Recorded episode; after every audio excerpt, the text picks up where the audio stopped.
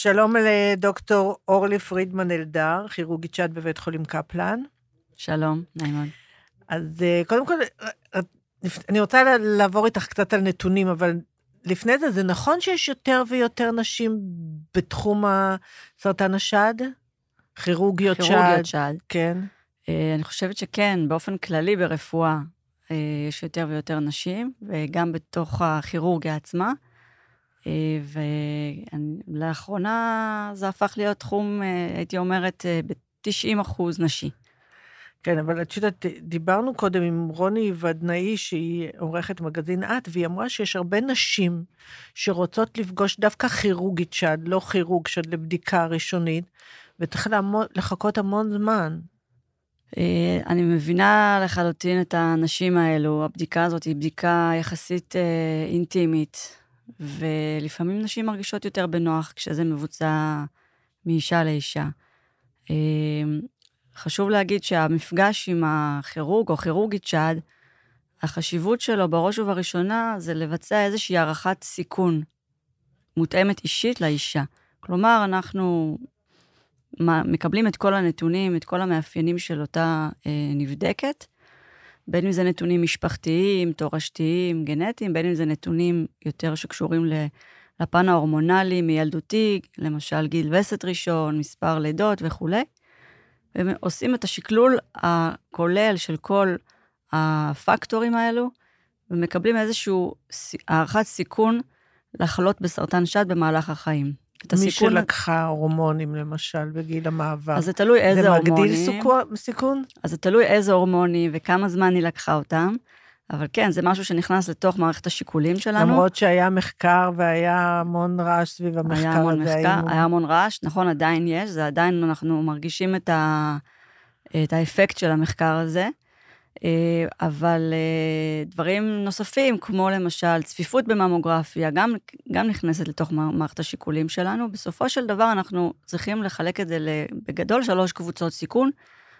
סיכון רגיל לחלות, רגיל, זאת אומרת, היום זה עומד על משהו כמו בין 12 ל-13 אחוז lifetime risk לחלות בסרטן שד עד גיל 90, סיכון שהוא מוגבר, והקבוצה השלישית, שזה סיכון מוגבר מאוד. למשל, מי שיש לה, אה, מי שהיא נשאית של מוטציה אה, גנטית בגן של BRCA.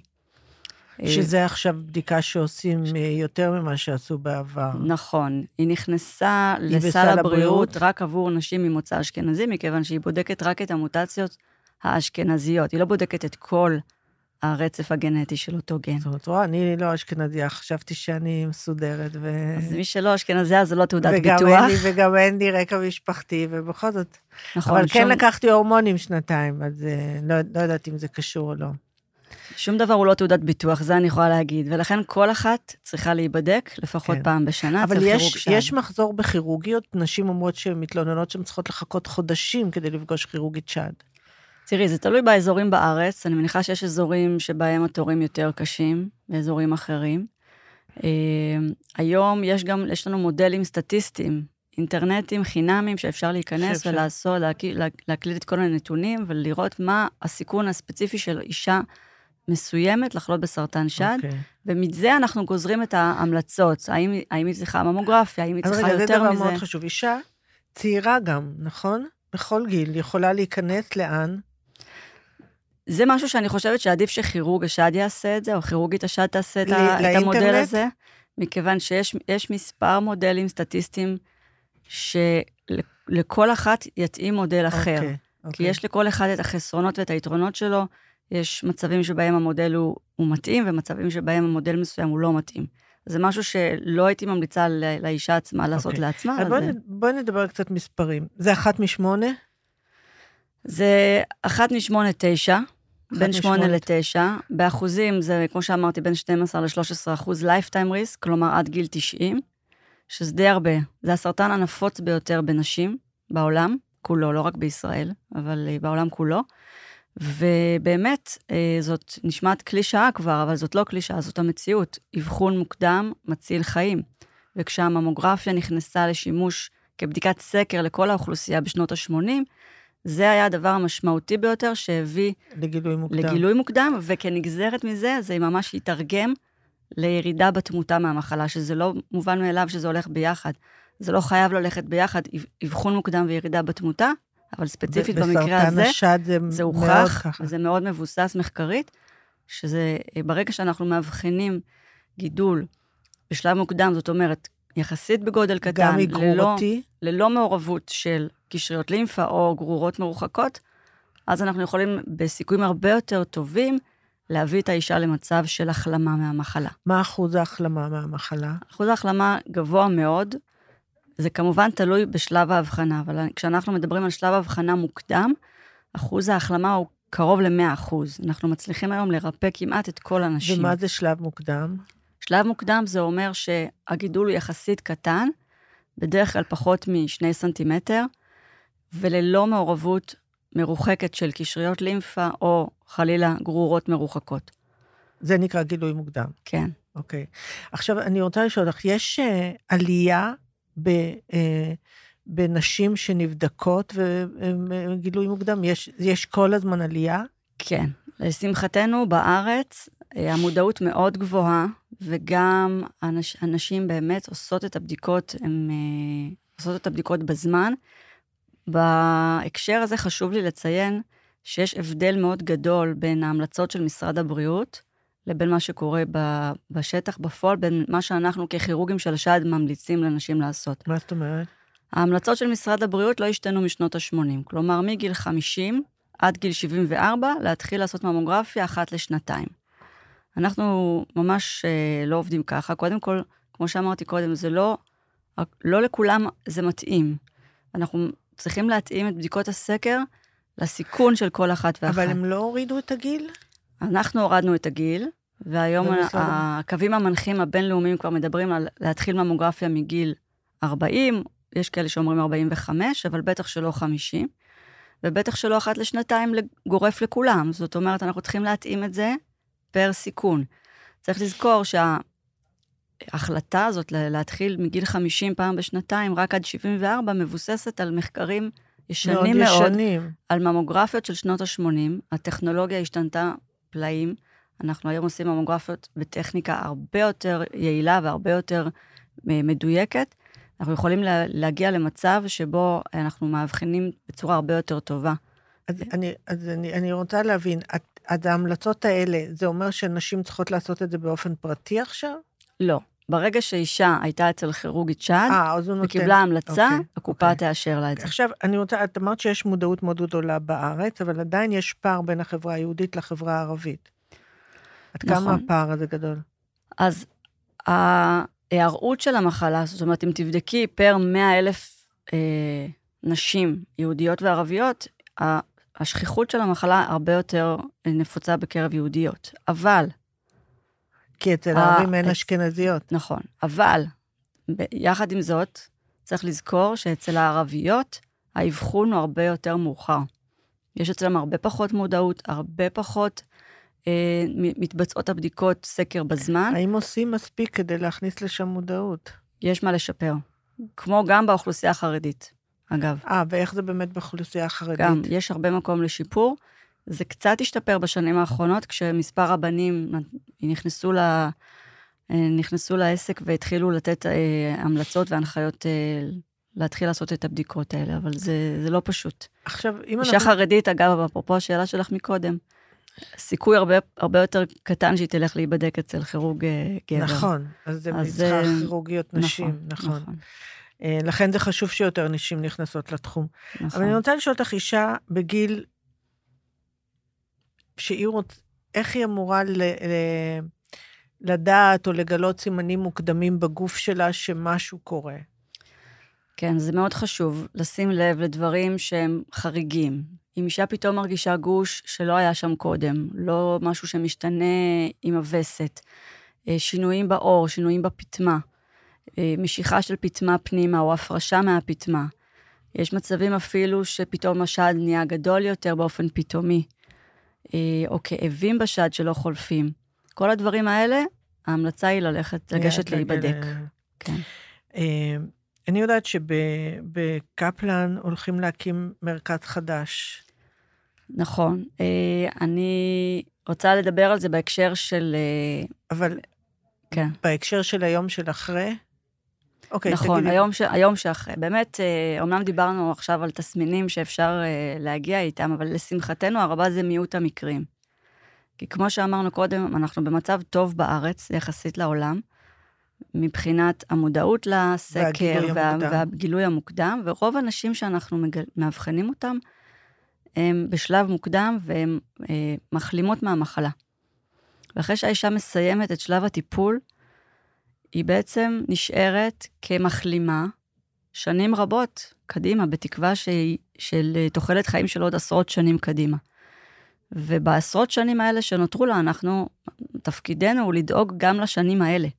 לא רק לרפא אותה מהסרטן, אלא לרפא, כלומר? או לדאוג גם שהחיים שיישארו לה אחרי שהיא החלימה הם חיים כמה שיותר דומים למה שהיה לה קודם, לחזור למסלול שלה עם כמה שפחות תופעות לוואי מהטיפולים. אה, איך זה מתבצע בפועל? אז בראש ובראשונה, המגמה שלנו בשנים האחרונות היא מגמה של לצמצם את הטיפול ככל שניתן, תחימו. לא רק את הכימו, גם את הניתוח, גם את הקרינה, גם את הטיפולים האונקולוגיים כמו כימותרפיה. בתקופתי לפגוע- לא עשו חשבון, עשו הכל, את כל הסט, נכון. מההתחלה עד הסוף. נכון, זה כמו שדיברנו עם הבדיקות סקר, שזה כן. זה, זה לא יכול לעבוד לכולם, אז מה עכשיו דבר. עושים? אז אנחנו עובדים ברפואה מותאמת אישית. כל מטופלת, כל סרטן הוא שונה. אנחנו יודעים את זה היום.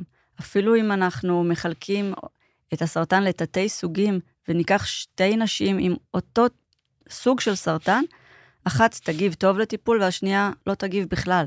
כלומר, אנחנו מבינים שיש פה משהו בעומק שאנחנו צריכים לבדוק אותו.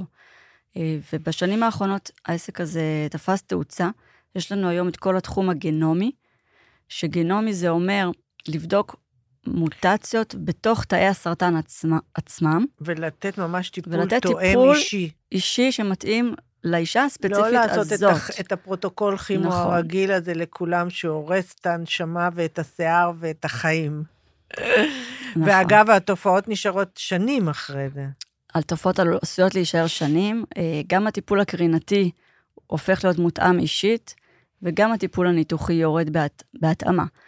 כל הדברים האלה, אני חייבת להגיד שזה כמובן, כמובן, מבלי לפגוע בתוצאות האונקולוגיות לטווח רחוק, זה דבר שאנחנו לא נתפשר עליו.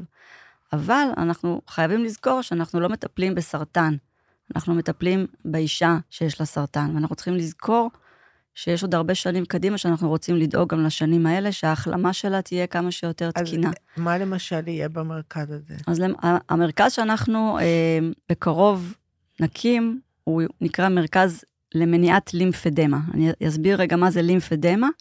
למי שלא יודע, לימפדמה זאת בצקת לימפטית, שעשויה להתפתח אה, בגפה העליונה, בזרוע למעשה, והסיבה העיקרית להתפתחות של לימפדמה זה הטיפולים בסרטן, בעיקר בסרטן השד, שזה הנפוץ ביותר. איזה טיפולים בעיקר? טיפולים ניתוחיים וטיפולים קרינתיים. אז אה, אחד הדברים החשובים ביותר שאנחנו יכולים לעשות כדי למנוע לימפדמה, זה פשוט לא לתת את הטיפול אם לא חייבים לתת את הטיפול. ובאמת בשנים האחרונות יש ירידה פחות.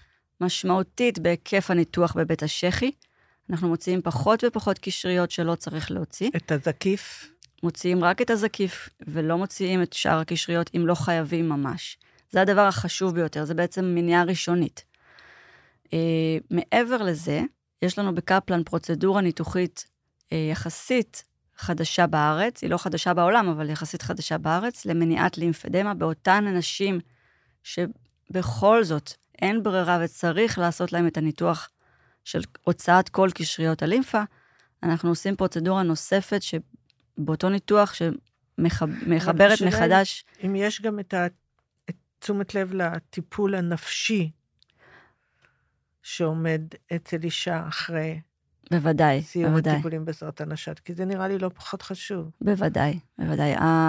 החלק הזה הוא, הוא לא פחות חשוב. הרבה פעמים במפגשים שלי עם המטופלות, אה, אני לפעמים, בחלק גדול מהמקרים, אני הדמות הראשונה שמבשרת להם את הבשורה. בין אם זה בשורה שיש להם סרטן, בין אם זה בשורה שהן צריכות כימותרפיה, שאגב, לפעמים הן לוקחות את הבשורה הזאת הרבה יותר קשה מאשר את הבשורה שיש להם סרטן. בדיוק דיברנו על זה קודם, ששאלתי כן. את uh, שרון חזיז מה, מה היה הרגע הכי קשה, היא לא אמרה הרגע שהודיעו לה, היא אמרה הרגע של השיער. זה הרגע שהן הרבה פעמים ממש מתפרקות לחתיכות. והתפקיד שלי הוא uh, לאסוף את החתיכות האלה בחזרה, ולתת להם איזושהי קרקע יציבה ואופק uh, להסתכל אליו, ותקווה. ולהכניס אותם לפרופורציה כן. uh, נכונה. ולהכניס, לתת להם תקווה שהיא לא תקווה, אה, לא אשליה, אלא תקווה אמיתית, כי באמת, כמו שאמרתי קודם, הפרוגנוזה, ברוב המקרים היא פרוגנוזה טובה, ויש לנו טיפולים חדשניים מאוד מאוד יעילים ומאוד טובים ל, אה, לרוב הסוגים של הגידולים.